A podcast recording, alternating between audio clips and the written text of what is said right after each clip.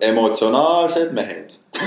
Nonii, tere head kuulajad ega ei oskagi midagi muud öelda, kui et äh, tere tulemast siis kuulama esimest, esimest episoodi, mina olen Kris ja tegutsen Eestis peamiselt kirjanikuna. tere, mina olen Martin. mina tegutsen treenerina. treenin inimesi personaalselt. ja jah, see on meie esimene podcast, ega siin on tõesti naljakas alustada, et alles testime maad, et. istume siin Martini juures ja, ja ega tegelikult ei, ei teagi, millest selles mõttes rääkida, aga eks see, eks see jooksvalt kulgeb niimoodi kuidagi ja. ma usun, et juba järgmistes, kui on nagu väärt selles mõttes ja teile meeldib, siis, siis järgmistes osades kindlasti, kindlasti läheb see kava võib-olla selgemaks.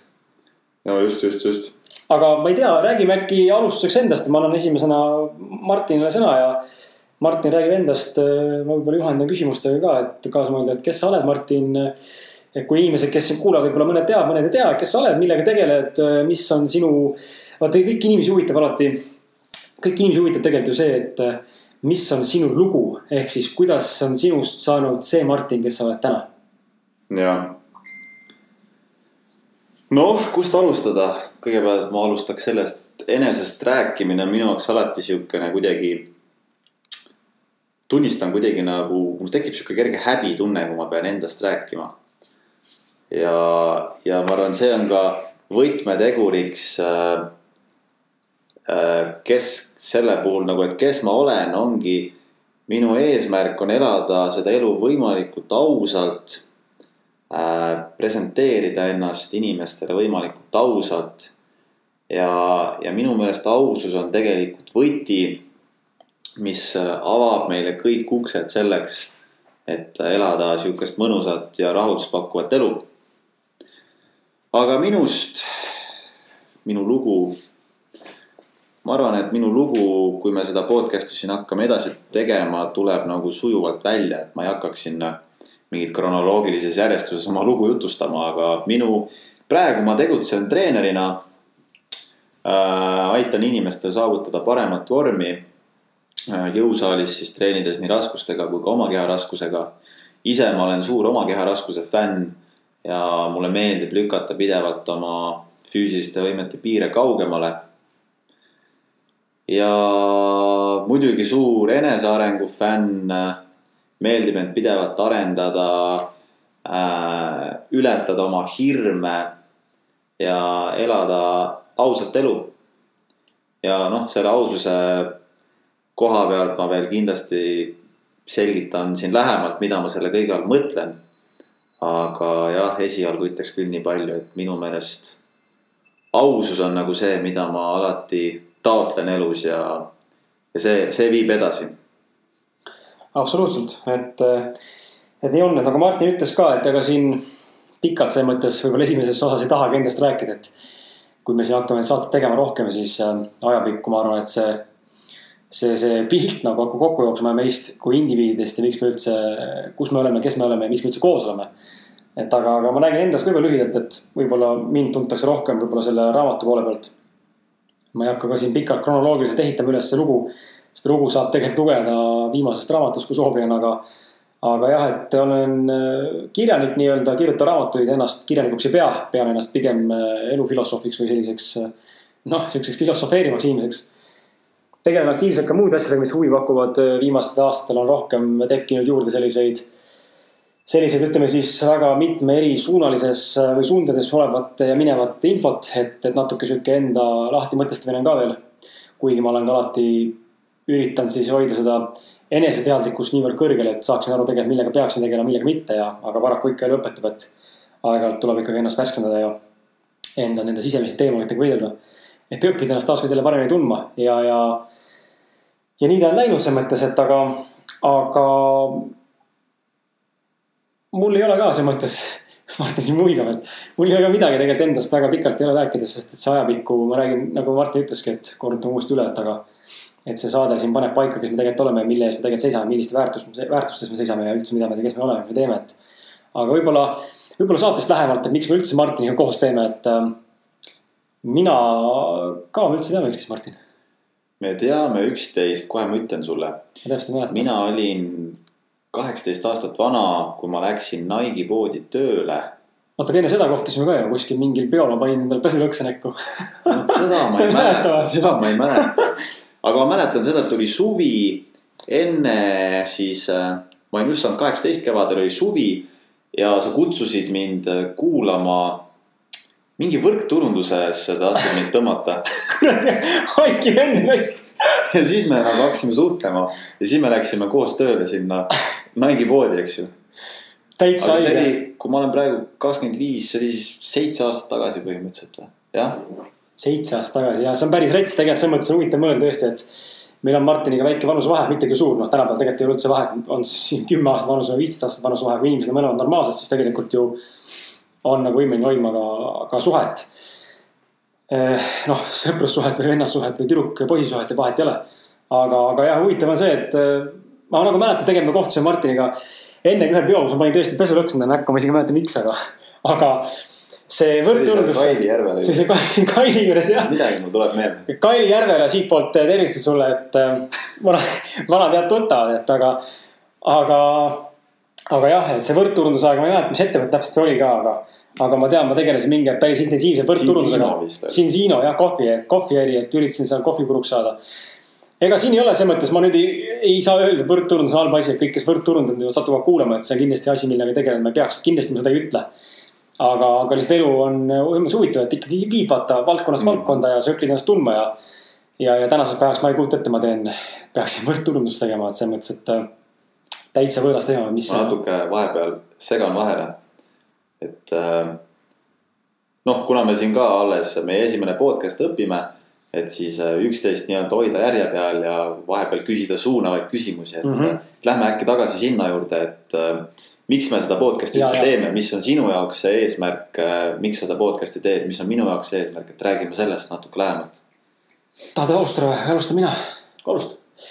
et äh, ma siin ruttasin jah, juba hakkasin jutustama ja, ja kuna mulle rääkida meeldib, siis see paratamatult on haigus. aga, aga miks me seda podcast'i üldse teeme ja otsustasime tegelikult seda saadet nii-öelda teha ja rääkida teile siis enda kogemustest, et. saate nimi Emotsionaalsed mehed eh, on väga selline. võib-olla mina rõhutaks enda poolt, et see ei ole ainult meestele, et tegelikult see saade on mõeldud ka naistele või üleüldse kõigile, kes tunnevad huvi, et võiks kuulata. ja keda huvitab tegelikult ähm, kuidas selle kokku võtta ühe lausega või ühe, ühe mõttega võib-olla ei olegi, aga, aga. see saate jooksul ma loodan, et mul on võimalik anda edasi seda emotsionaalset poolt, mida tegelikult inimesed, inimesed endas nagu maha suruvad tihtipeale. ja, ja kuna mul on olnud väga palju emotsionaalseid kogemusi elus, nii ka Martinil, millest Martin kindlasti kohe räägib ka. siis tegelikult äh, see on see, mis meid kõige rohkem ühendab, just see emotsionaalne pool ja, ja loomulikult meil on palju muid huvisid ka koos, muidu me koos ei oleks aga jah, et see emotsioonide jagamine ja, ja üldse see mõt, lahti mõtestamine, näidata seda inimestele just, et. et kõik need alfaisased, kes seal ümberringi liiguvad, ringi liiguvad igapäevaselt, et jumala eest ärge nüüd keegi viha pidage, aga. Et, et tegelikult on mehed väga emotsionaalsed, kui nad seda vaid lasevad endal olla. ja julgevad olla tegelikult need, kes nad on, sest et emotsioonid on ju inimese täiesti loomulik osa ja varjata ei ole siin selles mõttes midagi, et. et võib-olla lühidalt minu arvamus on jah see, et miks me seda saadet, miks mina seda saadet teha tahan, on see, et ma tahan näidata seda. kui emotsionaalne ma tegelikult inimesena olen ja, ja ma loodan, et selle käigus siis võib-olla saab ka mõni meesterahvas, võib-olla naisterahvas inspiratsiooni, et siis. Enda meessoossõpru või, või, või isegi ise, iseennast nagu emotsionaalsemat külge avastada endas. Jah, ei, ma olen Krisiga täiesti nõus, et äh, just nagu näidata natukene seda meeste sisemaailma siukse väga ausa ja toore nurga alt, sest et äh, minu meelest ausus teeb vabaks, ausus on nagu, see on, see on vabastav see on vabastav. ja, ja eriti meestena meile on nagu õpetatud, et äh, me peame olema tugevad. me ei tohi välja näidata nõrkust. ära näita emotsioone. ära näita emotsioone, mehed ei nuta, nii edasi, kõik see, eks ju. Aga tegelikult ju, mis siis, me oleme, mis, kas me oleme robotid või? meil ju kõik see möll käib samamoodi sees, ole, on olemas, on ju. lihtsalt me surume seda väga palju endas alla. aga noh, minu elu paraku on olnud selline, et äh, ma olen justkui siis olnud sunnitud palju vaatama otsa sellele pehmemale poolele endas. ja, ja see on mind nagu muutnud selliseks väga analüüsivaks äh,, ausaks äh,, empaatiliseks. Ja, ja kindlasti ongi siis nagu eesmärk nagu teile lihtsalt võib-olla jagada sihukest väga ausat äh, maailmavaadet ja seda, mis toimub äh, meie sees, eks ju. ja noh, muidugi iseenda jaoks on see podcast sihuke hea võimalus lihtsalt äh, jagada oma mõtteid, saada oma mõtted nii-öelda enda seest, enda süsteemist välja. ja, ja noh, ma olen kindel, et kui, kui meile need teemad pakuvad huvi, siis kindlasti leidub veel kedagi. Eestis mingi kasvõi sada inimest veel, kellele need Jah. samad mõtted võivad, eks ju, pakkuda huvi ja jah, sihukene üks viis ennast väljendada ja nii-öelda jagada maailmaga minu jaoks. ja ei, nii on ja Martini jutus kohe mul tekkis kolm nagu punkti, millest kohe nagu tegelikult saaks vabalt rääkida, et. et Martin mainis seda emotsioonide tegelemist ja. ja, ja et inimesed hoiavad nagu seda emotsiooni või üldse noh, olgu see rõõmu emotsioon või siis pigem hoitakse selles mõttes negatiivseid emotsioone enda sees kinni. Ja tihtipeale vaata need ju negatiivsed emotsioonid lõpuks kulmineeruvad selles mõttes mingisuguseks selliseks suureks palliks või, või, või, või milleks iganes sinu sees rahulolematuseks ja ärevuseks ja, ja mis seal on siin tulnud kurbust, õnnetust ja, ja kõiki asju, hüsteeriat ja eufooriat korraga onju. ja tegelikult on nagu selles mõttes täielik karussell, et ja kui sa neid välja ei lase, siis tegelikult noh. mina olen inimesena selles mõttes, ma ei tea, kes mind natukenegi teavad, eks ole, võib-olla viimased aastad vähesed, aga. Ma olen inimesena väga selles mõttes väga vaoshoitud ja ma ei lähe eriti niimoodi närvi, ma hakkaksin karjuma või ma pole ka vägivaldne inimene ja aga see karikas on üsna suur ja kui lõpuks see karikas täis peaks saama, mida no tuleb ikka elus ette selles mõttes. ja mul ei tule ette tavaliselt selle põhjal, et karikas täis keegi teeb midagi mulle, vaid pigem see ongi nende enda emotsioonidega, et sa oled nii selles nii sees ja kuidagi elad seda emotsiooni tugevat läbi ja. ja sul on nagu raske aru saada, mis toimub ja.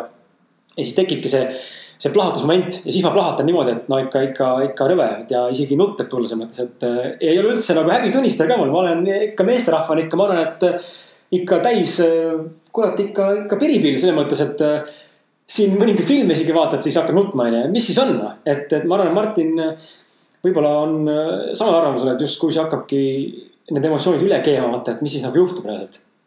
ei, absoluutselt, absoluutselt, et nagu ma mõtlen ka, et ma üritan alati olla võimalikult aus enda vastu, ma üritan lasta endast välja kõik emotsioonid, et, et, et miski viha, miski kurbus jääks minusse kinni, et ma ei suruks seda endas alla, onju ja siiski vahel on nagu lihtsalt see tunne, et äh, a la tüdruksõber vajutab mõnele nõrgale kohale ja no, no nii närvi lähen.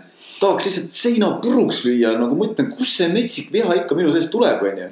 Või kust see metsik kurbus minu seest tuleb, onju. ja, ja nagu noh, kui ma vaatan ümberringi, kui palju veel enamik inimesi äh, hoiavad kinni neid emotsioone endas, onju. ja noh, see lõpuks see lihtsalt, äh, erinevaid raamatuid on kirjutatud ka sellel teemal, et need kinni jäänud emotsioonid ja pinged kehas hakkavad lõpuks väljenduma haigustena. hakkavadki tekkima meil erinevad tervisehädad, haigused, on ju. et noh, see kõik on vaja saada endast välja. Ja vaata välja, väljaelamisega ongi, mul tegelikult kohe tuleb see teine point meelde, mis Martin nagu mainis, et väljaelamisega tegelikult miks me teeme seda saadet või miks me üritame seda saadet teha ja proovime seda saadet teha, ongi tegelikult ju. nagu Martin ütles, et leida inimesi, kes tegelikult veel sarnaselt mõtlevad ja võib-olla sarnaseid mõtteid on nagu mõelnud või sarnaseid tundeid ja emotsioone tundnud, mida nagunii on neid inimesi alati.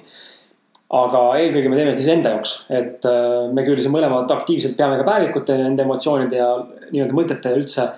Ütleme siis selle sisemaailma lahti mõtestamiseks, mis tegelikult on väga kasulik asi, ma olen seda pidevalt rõhutanud ka. ja väga palju aidanud mind aga, aga see podcast tundub sihuke mõnus, et sa lindistad ära selle, eks ole, paned sinna käima, sa räägid juttu ja, ja sa saad äh, väga selles mõttes väga-väga kiirelt tegelikult ju infot edasi anda, selles mõttes mitte ainult teistele, vaid ka iseendale, et see on puhtalt meile iseenda, iseenda peegeldamise tööriist. just, just, just. see on väga hea, mul üks, äh, kindlasti paljud, äh, kes nii-öelda tegelevad sellise pideva enesearengu, arendamisega, teavad sihukest meest nagu Timothy Ferris, kes on kirjutanud sellise raamatu nagu The Four Hour Work Week. ja tema podcast'e ma väga aktiivselt kuulan ja tema just ka nagu tihti räägib, et kõik sellised tema äriideed tegelikult saavad alguse sellest, et inglise keeles on hea väljend scratching my own itch mm. -hmm. et just, et äh, mitte see, et sa üritad midagi luua nagu meeleheitlikult kellelegi teisele. Vaid sa teed midagi, mis pakub sulle endale huvi justkui nagu enda jaoks, aga sa jagad seda ka teistega, jagad seda ka maailmaga. ja seeläbi kasvab nagu välja mingi selline siis äh, ärimudel näiteks. ja minuga nagu jubedalt resoneerub see idee, et just nimelt, et äh, teha ikkagist asju, mis pakuvad iseendale huvi ja lihtsalt teha seda sellise nurga, et seda saab jagada ka teistega.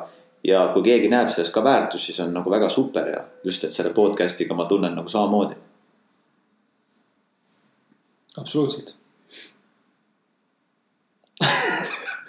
see esimene awkward vaikus. aga me üritame selles mõttes saadet niimoodi teha, et me ei, ma ei hakka välja lõikama, sest ma tahan. nagu Martin rõhutas, siis tegelikult ma tahan ka sama rõhutada, et ma olen, seisan ka elus. seisan ka elus äh, viimastel aastatel üha rohkem ja rohkem tegelikult selle eest, et oleks võimalikult palju ausust ja, ja läbipaistvust ja siirust ja ehtsust ning, ning mulle tundub, et äh, mulle tundub, et tegelikult inimesed tahavad seda saada ja, ja põhjus, miks inimesed võib-olla tahavad saada seda ehtsust, siirust, ausust ja läbipaistvust ja kõike seda võimalikult toorest materjali on sellepärast, et tegelikult meie kõigi elu tegelikult on ju niivõrd toores. iga päev pead sa nii-öelda töötlema enda elu kokku, onju, et, et hommik hakkab äh, toore videomaterjaliga ja päev tuleb lõpuks siis õhtu lõpuks tuleb see kokku kuidagi monteerida enda jaoks. ja, ja see, ja see ongi selles mõttes huvitav, et, et isegi kui meil tekivad need väiksed momendid siin, kus me ei oska nagu rääkida korraks mingid naerupallid onju, et see on täiesti fine, et, et äh, see eesmärk ongi lihtsalt äh, saada nagu ennast käima, elama, rääkima ja, ja loodetavasti ka teid ka selles mõttes kaasa mõtlema, et, et ka teie mõtleksite rohkem enda elu peale ja sellele, mis võib-olla on üldse oluline ja mis on üldse. noh, mis osakaalus midagi tuleks võib-olla teha ja mida mõelda. just, just, just. jah, ausus, nagu ma tunnen, et maailm vajab rohkem ausust. ausust eelkõige iseenda vastu, sest et kui olla aus iseenda vastu, siis tuleb automaatselt ka aus teiste vastu. ja ma natukene siis, ma ei taha minna, kuna see on veel sihuke sissejuhatav episood. ma ei taha nagu minna väga süvitsi, aga ma natuke tutvustaks nagu lähemalt seda aususe ideed, sest ma saan aru, et igal inimesel sõnaga ausus seostub ju ikkagist natuke midagi erinevat mm. -hmm.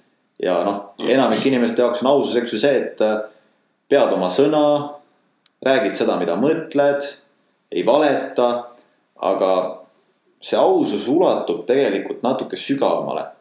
see ulatubki juba nendele tasanditele, et äh, mida sa päriselt tunned kogu oma elu suhtes, mida sa päriselt tunned äh, teiste inimeste suhtes. kui midagi sinu elus parasjagu toimub, see alati tekitab meis mingi reaktsiooni, siis mida sa sel hetkel päriselt tunned, et noh, kui tihti näiteks on sul sellist momenti, kus äh, miski teeb sind väga kurvaks või väga vihaseks. aga sa oled sotsiaalses situatsioonis, kus äh, sa ei, justkui ei ole aktsepteeritav, kui sa seda tunnistad teistele, kui sa seda näitad. ja siis sa surud selle viha või selle kurbuse endasse alla. sa manad ette selle mingi maski omale. ja niimoodi me elame igapäevaselt, onju. No vaata või trammis ringi, kõik need kivinäod, eks ju. ei ole, lihtsalt kivistunud ühiskond. et, et äh, keegi tegelikult ei ole emotsioonita ju, inimesed lihtsalt No varjavad oma emotsioone just, just, just, sest nii on õpetatud, et ei tohi näidata, kõike peab alla suruma, eks ju. ja kui sa julged naerata trammis, siis arvatakse, sa oled vaimuhaige. no täpselt, noh, täitsa jabur lihtsalt ju. et minu meelest nagu. noh, ma, ma tean, et ma olen ka idealist, aga, aga, aga ausus on see, kui iga inimene hakkaks käituma igapäevaselt natuke autentsemalt. natuke autentsem olema iseenda vastu, natuke ausam olema teiste vastu, natuke ausam olema nagu rohkem pidama sihukest nii-öelda sisekaemust, eks ju, et mis üldse iga inimese jaoks on elus oluline, mida ta tahab jõuda, kuhu ta tahab jõuda, mis, mis sind teeb päriselt õnnelikuks. Et minu meelest nagu see on see, kuhu see tõeline ausus nagu hakkab ulatuma, et sihukene illusioone ja hirme läbistav ausus, mis nagu teeb vabaks, et noh, see on nagu see ütlus, et tõde teeb vabaks minu meelest ongi, mida kogu see spirituaalne nii-öelda marketplace üritab meile müüa, ongi, kuidas saada õnnelikuks, kuidas elada rahulolevat elu. aga nagu mitte keegi justkui ei jõua sinnani. ja, ja minu meelest see võti ongi tegelikult see, et igasugused meditatsioonid ja tehnikad, need ei vii mitte kuhugi, kui ei ole olemas seda elementi, milleks on siis ausus. sest ausus on see, mis lõikab läbi nende illusioonide läbi valede, mida me iseendale pidevalt räägime, teistele räägime ja mis teeb vabaks. absoluutselt, see sõna vabastama on nagu selles mõttes minu jaoks ka väga, väga nagu selles mõttes äh, õige ja, ja südamelähedane, et äh, Martin rääkis enne ka sellest alguses kohe, et ausus on defineeritav selles mõttes ja igaüks tõlgendab ausust erinevalt, et ma lisaks võib-olla sinna juurde selle mõtte veel, et et ausus tegelikult äh, näitabki ühtaegu seda, kuidas äh, mitte ainult teada saada, mis seda nagu teha meeldib sulle ja, vaid ka, kes sa tegelikult oled. et ma tooks võib-olla siit, ma tooks võib-olla kaks näidet. mida ma ise hiljuti alles tundsin päris tugevalt ja mis mõlemad tegelikult panid äh, väga erinevas mastaabis emotsioonid käima, aga tekitasid minus väga suuri ja sügavaid emotsioone tegelikult siiamaani ja mõtlen selle peale millegipärast. et esimene emotsioon oli alles hiljuti siin paar nädalat tagasi. lühidalt öeldes pidin kokku saama ühe sõbraga, keda polnud ammu näinud. nime mainima ei hakka, see pole üldse oluline. ja, ja pidin kokku saama temaga peale tööd, kuna ma praegu elan äh, Tallinnast väljas, siis ma lähen rongiga peale tööd kogu aeg tagasi rongiga koju. väga loogiline lause tuli, et lähen rongiga koju peale tööd alati ja siis ma olin, äh, olime kokku leppinud juba eelnevalt paar nädalat tagasi, et noh, saame kokku. ja, ja ma jään linna kauemaks ja lähen järgmise rongiga ja, ja siis. Äh, ja siis kokkusaamise hetkel sõber telefoni vastu ei võta ja, ja lõpuks võttis vastu kuidagi, siis keerutas ja kuidagi tundsin kohe ära, no ma olen ennast piisavalt õppinud tundma ja inimesi õppinud ka tundma viimasel aastatel. ja ma näen tegelikult, kui inimesed valetavad ja ma saan tegelikult aru, inimene valetab. tegelikult, kui sa oled nagu selles mõttes, kui sa oled intelligentne ja sa oled tähelepanelik inimene siis tegelikult sa oled võimeline läbi hammustamas hetkel, kui inimene valetab või vassib või keerutab või ei taha sul tõtt öelda. kas kardab või mis iganes põhjus sul on, aga inimene vale, ei taha öelda, onju. sain siis kohe aru. ja lõppkokkuvõttes siis noh, ta ei andnudki mulle mingit põhjust, miks kokku ei saa. kutt ise oli kodus, onju, rahumeeli. ja, ja jäi see üritus katki, onju, ja ma pidin siis järgmist rongi nii-öelda ootama. tühjade kätega, et äh, tegi haiget sellepärast, et inimene ei julgenud mulle öelda tõde, mis iganes tõdega ei olnud, ma ei saanudki põhjust teada, aga minu jaoks ongi ausus selles mõttes ka nii oluline, et, et isegi kui see oleks olnud, ähm, põhjuseks oleks, oleks olnud võib-olla see, et Kris, et ma ei soovi sinuga kokku saada, sest sa oled nii mõne, mõne nõme vend onju, või mul täna ei ole aega või mul täna ei tunne, ma ei taha sinuga kokku saada, siis. oleks võinud selle ikkagi välja öelda, sest et see oleks muutnud selles kontekstis nii palju, ma oleks saanud aru sellest, et inimene minuga aus vähemalt, ta austab mind. aga kuna ta varjas ja, ja vassis ja keerutas ja tegelikult põhjust ju esile ei toonudki onju ja ma tegelikult ei tea, mis põhjus oli. Ja, ja minu jaoks nagu see tekitas siukse väikse haava sisemisse, sisemusse et sain nagu liiga, et sõber äh, tegi nagu niimoodi, et, et mis, mis, mis sõber siis on, kes niimoodi tegelikult nagu ei austa sind ja sinu, sinu aega, sinu väärtust ja sinu üldse nagu. sinu aususaspekti või aususmomenti. ja, ja see loo kulminatsioon või nagu loo mõte tegelikult tagamõte on see, et lisaks aususele olemisele tuleb tegelikult aru saada sellest ka. nagu Martin ütleski, et iga inimese jaoks on ausus erinev ja samamoodi on ka tegelikult see mis põhjal keegi mingeid valikuid teeb, et ilmselgelt oli tal mingi põhjus ja, ja mingi põhjus, ta selle valiku tegi, onju. et ma ei saa inimest süüdistada ja, ja see on täiesti fine, on ju, sellest tuleb hakata aru saama, et inimesed teevad valikuid ikkagi alati iseenda mingitest situatsioonidest, hetke emotsioonidest lähtudes. ja, ja seni, kui me seda ei mõista, siis me ei saa mitte kunagi aru tegelikult, mismoodi keegi mingi, mingi põhjusel midagi kuidagi käitus. ja võib-olla ma tooks nagu teise näite. ma olin seal reisil paar kuud tagasi Portugalis, Lisbonis jalutasime Eliisega, oma elukaaslasega ringi ja. ja olin parajasti tegemas neid Youtube videosid hästi aktiivselt. ja ma mäletan, et nüüd tuleb see jutt, kus oli siis see ausus iseenda vastu, et kes sa tegelikult oled ma tegin video, videosid Youtube'i ja film, üritasin filmida reisiasju üles ja hästi lahedalt filmida ja teha mingit imenurkade alt ja näidata teistele, kui lahe reis mul on ja.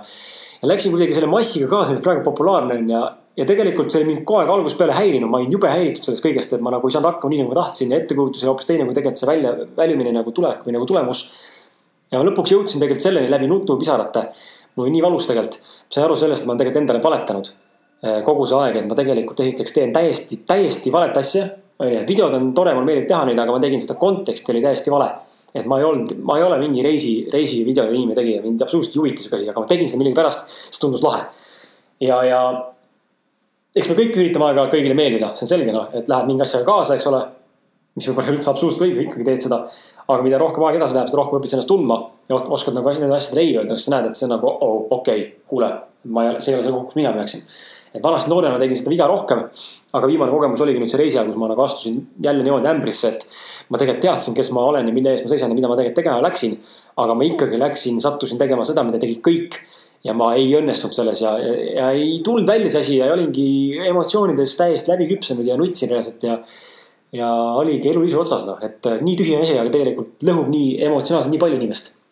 et selles mõttes huvitav jälgida, et tuli selle, tuli kohe see vastik heli sinna mm -hmm. selle mm, -hmm. selle häälega, aga üritame seda, seda, seda vältida edaspidi, aga jah, et emotsioonid käisidki üle ja oligi huvitav näha, kuidas. tegelikult siis tõesti plahvatas noh ja hakkasidki nutma lihtsalt.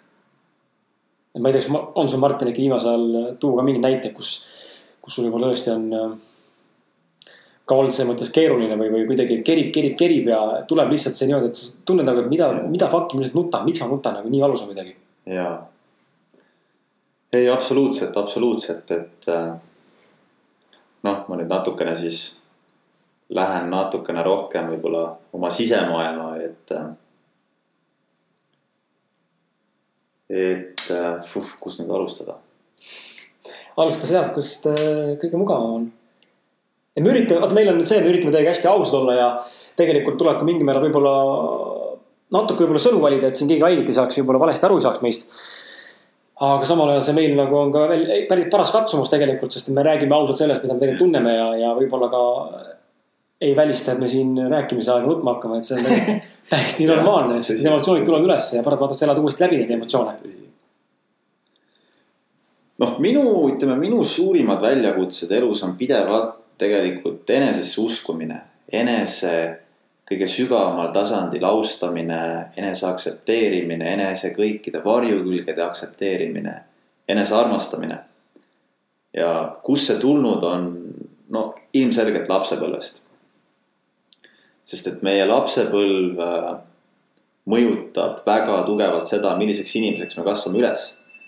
et äh, kuskilt ma olen lugenud, et kuskil esimesed kuus eluaastat kõik info välismaailmast me võtame otse omale ilma filtrita alateadvusesse. nagu käst. nagu käst.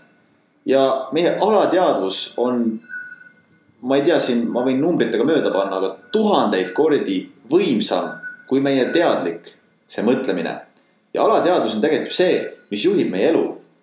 ja kujuta nüüd ette, kui sa esimesed kuus eluaastat, kõik, mis su sisse tuleb, on see, et äh, segadus, hirm, agressioon äh,. see ei ole piisavalt hea. armastuse puudumine, su isa ei tegele suga su isa nagu ei näita sulle välja mitte mingit füüsilist armastust laps ju otsib pidevalt seda, et laps teeb midagi, ta vaatab vanemale otsa, et näha, et äh, kas teda kiidetakse heaks või mitte mm. -hmm.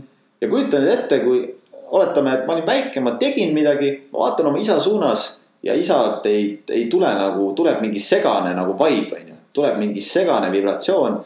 Äh, ei toeta, ei julgusta, on ju. ja noh, mina kasvasingi üles niimoodi, on ju, väga ebaküpse isaga. Äh, noh, ja mida milliseks mu siis nii-öelda see alateadvus kujunes, on ju. seal ongi palju segadust, palju hirmu, palju sihukest agressiooni iseenda vastu, noh, minul õnneks see agressioon ei ole nagu muutunud selliseks, et ma oleks teiste suhtes vägivaldne, aga ma tean, et ma olen enda suhtes tegelikult nagu sihukesel psühholoogilisel tasandil tohutult vägivaldne, mis tähendab, et ma nõuan endalt tohutult palju. ma olen enda vastu tohutult karm. enesekriitiline. enesekriitiline inimeste sõnad, eriti lähedaste inimeste sõnad, eriti näiteks tüdruksõbra sõnad võivad väga kergelt mulle teha nii-öelda haiget, mõjutada mind, panna mind eneses kahtlema.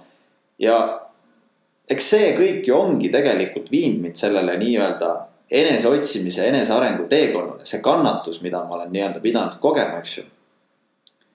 ja kuhu ma tahtsin jõuda selle jutuga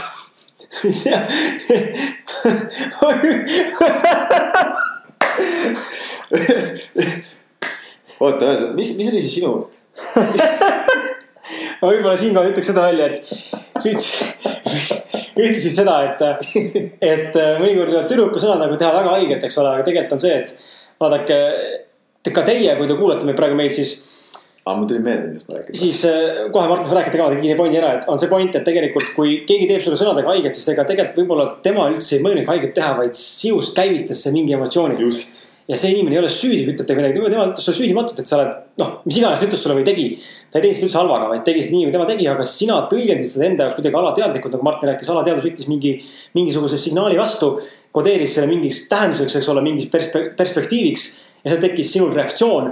Ehk siis emotsionaalne reaktsioon on ju ja oli mingi solvumine või mingi muu asi ja sai, sai, sai teile haiget on ju et selles mõttes on huvitav, et ei tasu nagu teist inimest hukka mõista sellepärast, et ta ütleb sulle, sest et tegelikult süüdi oled süüdi saad olla ainult sina ise kuidas sa reageerid, sest et tegelikult otsus on sinus endas, kas sa reageerid sellele või sa ei reageeri sellele üldse. just nimelt, see on see vastutuse võtmise enda peale, on ju, et. et mitte keegi teine, mitte kedagi teist ei saa süüdistada enda kannatustes, sest et vastutuse peab võtma enda peale ja, ja just nimelt mina olen ju see, kes reageerib. olgu see isegi emotsionaalne või mitte. just, just, aga minu point ja milleni ma nüüd tahtsin jõuda kogu oma jutuga, ma vahepeal juba selgitasin seda nii-öelda tagamaad ongi see, et äh, millega jah, kui nagu sinul, eks ju, see sihukene nii-öelda tõehetk, aushetk, kus sa korraks varisesid kokku, on ju. et mõistsid, et sa justkui nagu täidad ajad kellegi teise eesmärke justkui taga mm -hmm. või teed seda, mis on popp, on ju, aga mitte seda või sellise nurga alt, nagu sina tahad teha, on ju. võib-olla minu need siuksed raskemad kokkuvarisemise hetked on nagu just nimelt need, kus äh, ütleme siis jah, ma ise loon omale meeletud kõrged ootused ja oletame siis keegi lähedane vajutab veel nii-öelda nendele nõrkadele kohtadele minus. ütleme, kõik siuksed asjad, ütleme halvad asjad langevad justkui kokku. Ja siis on küll nagu mingid need hetked, kus noh, tekivad nagu need breaking point'id, kus ma tunnen, et. kas ma nagu jäängi selliseks, kas mul jäävadki eluks ajaks alles need mingisugused enesehinnangu probleemid ja kas ma nagu ükskord suudan endasse, eks ju, sajaprotsendiliselt uskuda ja seda piisavalt järjepidevalt, et et, et minu jah, võib-olla suurimad need murdekohad tulevad just nagu sellistel hetkedel, kus olen emotsionaalselt väga madalas kohas. Ja, ja, ja ongi see meeletu hirm, eks ju, et. et, et, et, et, et ma olen katkine inimene ja ma ei saagi sinna mitte midagi teha, et sihukene nagu. ohvri nagu, ohvri mentaliteeti minek, eks ju, et. et need on minu jaoks alati need rasked, rasked hetked, et et tulla nagu teadlikult välja sellest äh, kannatamisest ja enesevihkamisest ja, ja ikkagist koguda see vaimne energia kokku ja nii-öelda armastada ennast, austada ennast ja valida jälle see proaktiivne suund ja teha ära selle, mida ma saan parasjagu teha. jälle liikuda edasi. niivõrd huvitav on see, ka sa mainisid seda ohvriks olemist, et nii paljud nagu reaalselt nii, nii paljud inimesed, et äh,. Martin ütles, enne kui ma ütlen selle pointi välja, siis ma võib-olla lähen üle selle pointini ühe teise pointiga, et Martin mainis seda, et. Ta on katki, eks ole, me tegelikult kõik inimesed oleme katki, et meil kõigil on tegelikult noh. minul omad, omad teemad, omad teemad, omad hirmud on ju, mis tegelikult lõhuvad mind. me kõik tegelikult oleme emotsionaalselt väga, väga puruks ja mõned vähem, mõned rohkem ja, ja mõned tegelevad nendega, mõned ei tegele üldse nendega, mõned ei saa üldse aru, noh, mõned ei saagi aru mitte millestki onju ja see ei ole üldse halvasti öeldud siinkohal, et kui sa nüüd tunned ennast puudu, et võib-olla. või mõtled umbes, et keda ma siin solvan, eks ole.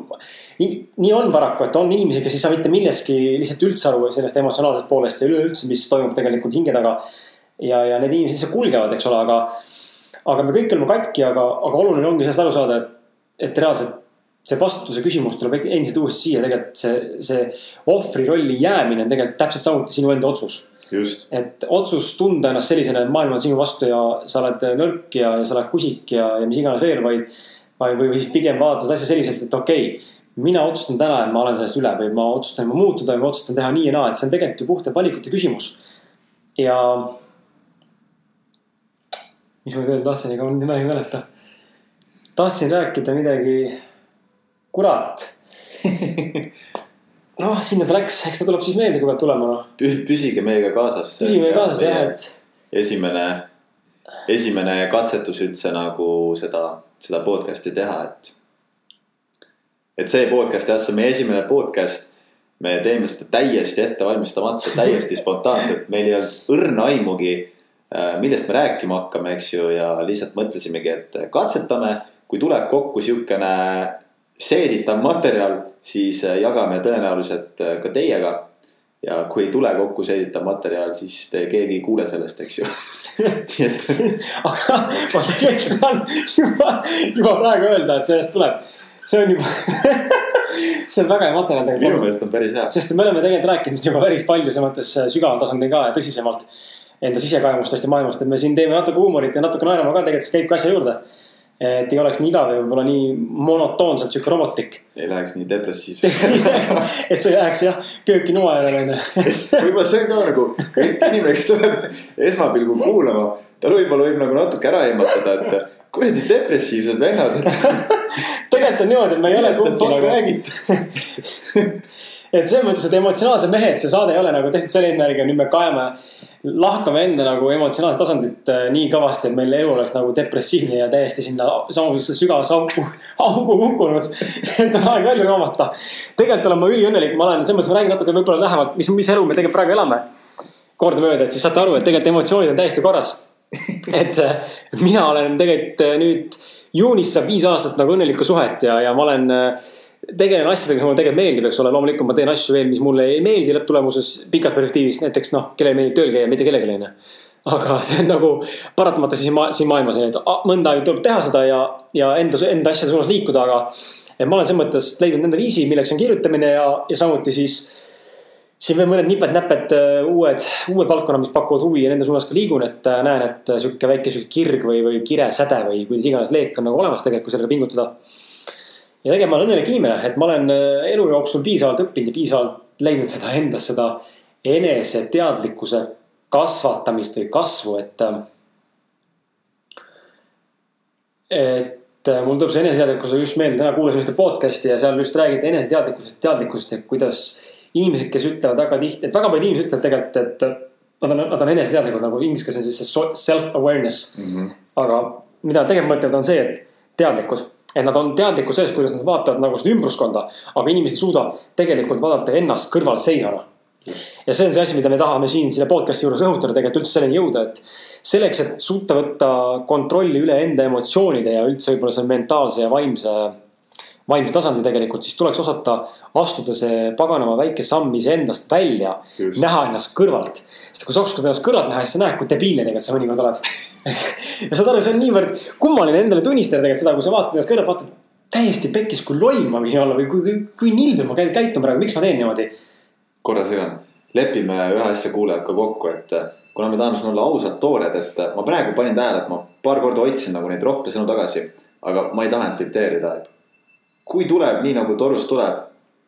tahaks otse, otse välja lasta. mis see tuleb ja me ei ole nagu ropud inimesed, mitte kumbki meist selles mõttes, et äh, võib-olla mina olen sõnaväralt võib-olla vulgaarsem natukene mingil määral ekstreemne, liialdan, aga. aga selles mõttes me ei ole nagu ropud inimesed, kui seda saadet olete nüüd kuulanud siin siis kakskümmend minti varsti, siis äh,, siis ei ole siin väga palju roppusi olnud tegelikult, et aga jah, et ärge, ärge ehmatage. lihtsalt ära. hoiatame ette, et ma mitu korda olen tundnud juba mingid türad ja putsid on tahtnud lennata, aga vaata, vaata kui oluline see on see, Martin praegu mainis seda teie sellepärast, et me rääkisime enne aususest. Iseenda vastu aus, Martin valetas ise otse eetris lihtsalt.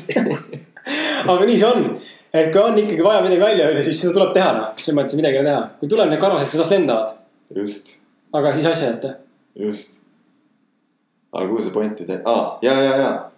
ja ma tahtsin ka nagu mainida juurde, et, et, et just, et kui sa oled enda vastu nagu aus ja nagu me siin arutasime ka, mina rääkisin natuke oma lapsepõlvest, Kris rääkis oma emotsionaalsetest hetkedest, et võib-olla inimene, kes ei ole harjunud nagu sihukest sisekaemust tegema teda nagu esialgu ehmatab see ära ja nagu kõik sihuke justkui nagu negatiivne tõukab inimesi eemale, eks ju. aga just ma olen nagu täiesti nõus sellega, et see ei tähenda, et me oleks nagu mingi õnnetud või depressioonis inimesed, kes läbi selle podcast'i üritavad ennast kuidagi ravida, et. nagu Kris ütles, et ta on tegelikult ju ikkagist õnnelik inimene ja mina tunnen täpselt sama, et. et elus on alanud sihukene nagu väga tore periood tegelikult, kus ma olen alates sügisest teen treeneritööd, mis on mulle väga südamelähedane. mul on eluaeg ennast, eks ju, meeldinud liigutada ja. ja, ja, ja olen ka hetkel juba siin kuskil, ma ei teagi, ma ei olegi arvestust pidanud, aga. ma arvan, mingi viis kuud äkki täitsa väga õnnelikus suhtes ja väga, väga õpetavas ja väga õnnelikus suhtes ja, ja, ja, ja. ja seekord sinu, sinu puhul ka natuke tõsisemas suhtes seekord, esmakordselt võib-olla ei, see on pigem kolmas, kolmas, kolmas tõsisem suhe jah, võiks nii öelda. ja, ja just, et nagu toredad inimesed on ümberringi ja tegelikult nagu ma julgen ka ikkagist nimetada ennast äh, vähemasti nagu suurem osa ajast ikkagist. pigem, pigem, pigem õnnelikuks inimeseks, et, et, et, et, et. et eks õppetunde on palju ja, ja, ja tihtipeale on ka väga raske aga, aga, aga, aga suuremas pildis jah, ikkagist enamus ajast äh, kindlasti julgen ka öelda, et pigem, pigem nagu on rohkem seda, seda rahulolu mm. -hmm. Martin rääkis enne enda nagu lapsepõlvekogemust, et minu isa õnneks, äh, õnneks ja kahjuks noh, kuidas, kuidas, kuidas võtta selles mõttes, aga minu selles mõttes ei olnud kordagi tähelepanu probleemiga mingit vajadust ja minu isa oli väga hoidev. küll aga küll aga on ka meil tegelikult Martiniga selles mõttes väga huvitav, et meid on tegelikult sidunud see isaline teema nagu mind tugevalt ja seob siiamaani, et. ma arvan, et elus, kui mind üldse murda saab, siis mind saab murda kahe asjaga, on armastus, millega saab mulle väga haiget teha, millega ma ilmselt, äh, mu maailm variseb kokku. päris pikaks ajaks, et äh, ma olen seda südamevalu tundnud noorena päris valu, vastik, oli ja. ja ma olen sihuke, nagu ma ütlesin, ma olen emotsionaalne mees ja ma lähen sellesse ikkagi, kui ma midagi teen, ma teen südamega seda asja, mulle meeldib. ja panen sinna emotsiooni sisse ja, ja oma hinge ka ja kui see ikkagi katki, haiget saab, siis. Siis on ikka päris valus tegelikult hinges, et äh, nende haavade lakkumine on päris pikk olnud siin minevikus, et aga. isadest rääkides nii palju siis jah, et minu isa kogemus on olnud äh, üllatavalt, üllatavalt jah, on olnud väga positiivne tegelikult selles mõttes. lapsepõlvest üldse üles kasvades, aga mingist hetkest, kui ma hakkasin iseenda teadliku teadliku mõistusega rohkem kaasa mõtlema ja, ja julgesin nagu avalikustada seda, kes ma tegelikult olla tahaksin. või noh, olin liikumas selles suunas, kes ma tegelikult olla võiksin ja olla tahaksin, siis ma nägin, et tekitas jubedaid konflikte. Ja see lõhkus meie suhteid ja ma tean, et see teine asi, mis ongi peale armastuse, mis minu, mind tegelikult emotsionaalselt murrab niimoodi, et ma olen võimeline ämbrite viisi nutma, siis tegelikult on, on reaalselt see suhted isaga, et ähm, see on minu jaoks nii, nii valus teema, et kui seal, sealt nagu keegi kõvasti vajutab kuskile, siis äh, no väliselt selles mõttes vajutada ei saa, et keegi hakkab mind norima kuskil, siis see mind nagu selles mõttes kuidagi ei huvita eriti, aga. just see, kui isa midagi ütleb või, või, või kuidagi tunned, et oled käitunud halvasti oma isa suhtes, siis ikkagi teatav, teatav sihuke respekt on ikkagi olemas, et kuigi. Kuigi meil on erinevad arvamused, aga sellegipoolest. ja isegi noh, sellegipoolest on, seal on mingi hingeline side olemas ja. ja, ja see on äh, minu jaoks allikas, mis tegelikult on võimeline mind nagu murma. Äh, noh, niimoodi kohe, selles mõttes nagu paugu pealt et ma ei tea, kuidas Martinil on, ilmselt võib-olla samamoodi teatud määral. ja, ja, ja, ja see on jah, see on. jah, kunagi oli see periood, eks ju, kui noh, nooremana, kus. ta oli minu jaoks nii suur autoriteet, et noh, temaga suheldes ma tundsin end madalam kui muru ja iga asi, mis ta ütles, tekitas minus nagu ennekõike sihukest äh, alaväärsust ja kurbust ja noh, siis nii-öelda siin praegu ma olen kakskümmend viis, eks ju. et, et, et siin võib-olla viimased kaks aastat on nagu olnud siis selline, kus äh, siis justkui nagu seisnud enda eest, eks ju, nagu saatnud Sorry isa, kui seda ükskord kuulama juhtud, aga mina olen aus et äh, saatnud äh, igasse võimalikku auku, onju, teda ja lubanud üksteist ära tappa ja, ja mida kõike, onju nii-öelda selle viha kõik endast nagu välja lasknud, aga. noh, tänaseks ma tunnen, et ma kindlasti mingil määral, mingil väiksel määral olen nagu suutnud rahu teha, aga tegelikult. Ikka jälle tulevad kogemused, mis tõestavad mulle, et nagu mingil sügaval tasandil ju endiselt. kõik, mida ta ütleb ja ütleb mulle, mõjutab mind väga tugevalt ja. ja nii kui keegi, keegi, kes oskab mind viia sinna sügavamale nendesse nii-öelda isa teemadesse, siis ma ikkagist tunnen alati, et ma muutun väga emotsionaalseks ja. ja, ja, ja see nagu see teema ikkagist teeb haiget, et tuleb olla, tuleb olla aus enda vastu. Ja noh, mis siit äh, ongi see, et. et ega, ega siis ju ei, ei saa muuta nii-öelda enda isa ja ei saa elada terve elu nagu just nimelt mingis ohvri rollis on ju, et, et, et minu, mine tea ma ei saanud oma isalt seda armastust, mida ma tahtsin, eks ju, ja nüüd ma umbes terve elu otsin seda temalt, et noh. väga tõenäoline, et tema ei muutu mitte kunagi ja nüüd on nagu see hetk, kus äh, õppida ikkagist äh, mingil tasandil talle andestama, sest tema ikkagist ka igal hetkel käitus nii, nagu tema oskas, andis oma parima ja nii-öelda iseendas leidma seda isa. et ma olen iseendale isa eest, eks ju, et äh, nii-öelda seda tõelist vaimset sihukest küpsust iseendas nagu otsima ja arendama. Selle hirmudega, hirmudega seoses üldse nende kõhkluste, kahtlustega ja enda nende mahategemistega seoses praegu torkas pähe see mõte, mis ma tahtsin enne rääkida, mis meelest läks. on tegelikult see, et vaata, me kõik, meil kõigil on need pahed ja need hirmud ja, ja me oleme kõik katki, eks ole. ja need mustrid korduvad, vaata nagu ongi, et inimesed on aastast aastasse kogu aeg on, no mitte aastast aastasse, aga inimesed kogu aeg järjepidevalt elus mingit etappi tagant satuvad ikka samasugusesse mustrisse jälle mm. -hmm. kas see on kehv armastus, eks ole, või on jälle kehva töövalik või on mingi muu valdkonna vale valik või on vale otsus või.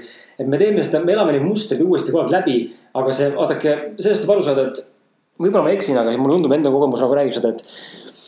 Need mustrid tulevad tagasi senikaua, kuni lõpuks sa lahendad selle ära nagu sada protsenti. ja kus siis senikaua, kuni sa ei lahenda seda, siis see tuleb tagasi iga kord võimendatult ja iga kord läheb ta ainult tugevamaks, raskemaks, valusamaks ja, ja, ja see on tegelikult õppetund. me kõigil on omad õppetunnid ja mulle üldse tundub tegelikult, et, inimesed tahavad siin kogu aeg rääkida sellest hästi palju vaimset kulu, ma tean, on, on, on nagu rõhutanud ka seda, et. et äh, tuleb ära lahendada see, aga mul on jäänud mulje, et tegelikult seda võib-olla, mis on, võib-olla, võib-olla me ei saagi ennast nagu terveks teha. vaid me peame õppima sellega toime tulema. just, aktsepteerima, jah, et aktsepteerima, et me mitte, mitte me nagu, et me nüüd, et see aitab ära, ma nüüd lahendan selle, ma lahendan mingi valemi ära, onju, nüüd on tehtud, et see probleem ei tule. see pro probleem jätkub elu lõpuni tulemas, sest see muster on nii sügav alateadvuses. nagu Martin mainiski, et lapsest saadik tuleb see, olles väike laps. Ja, ja võib-olla tuleb ka hiljem, aga ta kuidagi juurdub nii sügavasse alateadvusesse, et ta jääbki see elu lõpuni tulema. aga sinu otsus ja sinu nagu võimes on siis mitte see nagu võib-olla lahendada, mis oleks tore, kui sa saad teha seda, aga enamik ei suuda siis võib-olla hoopis õppida, kuidas tulla sellega toime niimoodi, et kui ta uuesti tuleb, see muster, sa teed lihtsalt nipsu. ja sa oled sellest üle. et sa justkui, sa kirjutad omale uued nii-öelda alateadlikud programmid ja sa võimendad neid nii kaua, terve elu tegelikult, kuni need saavad nii tugevaks, et need on vähemalt sama tugevad ja loodetavasti tugevamad, kui need nagu lapsepõlvest tulnud võib-olla need katkised programmid on ju. et justkui ongi, et oletame jälle see keegi on elus mingi situatsioon, keegi lähedane inimene vajutab sinus piltlikult öeldes mingile nõrgale kohale. et siis, et me suudame nagu kiiremini äh, teha selle valiku selle nii-öelda positiivsema elumustri, käitumismustri kasuks, on ju. positiivsema reaktsiooni käsu, kasuks on ju, valime selle positiivsema äh, mustri. Mm -hmm. et, et noh, ma ise tunnen küll, et ja et mingitel hetkedel, eks nendel madalhetkedel on küll sihuke tunne, et no mida see enesearendamine, kuhu see mind viinud on, onju, et ma ei ole mitte kuhugi jõudnud, onju. täpselt samasugune katkine inimene. aga, aga tegelikult noh, kui ma nagu vaatan suuremat pilti, siis ma ju näen, kuidas ma jään nagu aina, aina lühemat aega kinni nendesse vanadesse katkistesse äh, mustritesse ja aina kiiremini tulen sellest välja. tegelikult meeletu tohutu areng olnud. jaa, absoluutselt. mina mõtlen, mul on hea nagu näha Martinit selles mõttes, et et eks see siin saate jooksul hakata nägema ka, kellel mingi iseloomuomadus on, on nihuke ta on, eks ole, ja, ja kes on, kes on mis ja kes ei ole, aga mul on näiteks. kes Martin... on alfa ja kes on beeta jah, nii nagu paljud mehed alati arvavad seltskonnas, kes on alfa, kes on beeta, ilgelt võitlevad. et mina arvan, või Martiniga selles mõttes seda vist ei olegi seda probleemi, et kas nagu olla alfa, mitte alfa või, või. ja kõik need alfad, kes seal väljas tegelikult on. Need on madalamad kui reaalselt mingisugused deltad või mis iganes sagedused on tegelikult, sest need inimesed on lihtsalt niivõrd nõrgad. niivõrd häbiväärsed äh,, häbiväärsed selles mõttes äh, kusikud, võib-olla ilus öelda. et nad isegi ei julge endale otsa vaadata ega endaga ausad olla. aga, aga minu point nagu on see, et, et äh, Martini arengut on nagu huvitavalt näha, selles mõttes, Martin on kõvasti kui me tuttavaks kunagi saime, siis inimene oli ikka kõvasti selles mõttes endasse rohkem tõmbunud ja, ja võib-olla sihuke vaoshoitum ja võib-olla, võib-olla nagu hästi, hästi, hästi ütleme, ülim võrdes ähm, kinnine ja sihuke, mis õige sõna võib oleks. mitte, et sa endasse ei uskunud, vaid, vaid sihuke alaväärsuskompleks nagu täis veits mm. -hmm. just nagu esinem-, esinemise ja nagu suhtlemise poole pealt. ja nüüd ma näen, et temaga siin täna istudes siis noh, tegelikult me oleme varem näinud ka nüüd siin viimase aasta jooksul, aga täna istudes näen ka, et tegelikult on, nagu ütlesingi enne, et tegelikult on tohutu areng läbi käinud. ja isegi kui seda tegelikult igapäevaselt kõrvalt vaata ei näe, aga nii kui sa hakkad ennast võrdlema mingis etapis, eluetapis, siis tegelikult sa hakkad märkama, et tegelikult on tõesti toimunud nagu meeletu nihe. ja, ja seda on nagu alati nagu lahe näha. tahtsid midagi öelda või? ei tahtnud. tahtsid vahele, tahtsid vahele segada jah? me siin peame teineteisele sõna andma kuidagi, aga miks ta nii kulgeb välja vaikselt? ja tegelikult ma vahepeal vaatasin kella ka, et tundub, meil hakkab sihuke tunnike, tunnike juba täis tiksuma, et. ajaliselt tundub mulle, et tegelikult on alles äh, kolmkümmend minti täis saama. tundub või? ja tuhat nelisada, tuhat nelisada. ei tea sekundit. ei ole vist jah. mis asi see on? minu meelest me hakkasime mingi üheksasada lindistama kella kümme saama. sa kurat, see on küll kaua läinud jah, ei nagu näha, siis võiks siin edasi paugutada hommikuni kaheksa tunnine podcast. aga jah, et peab vist tasapisi hakkama neid jah, neid otsi kokku tõmbama. ei no tõmbame kohe siis noh, mis seal ikka. jah, mis ma, mis ma omalt poolt veel öelda oskan.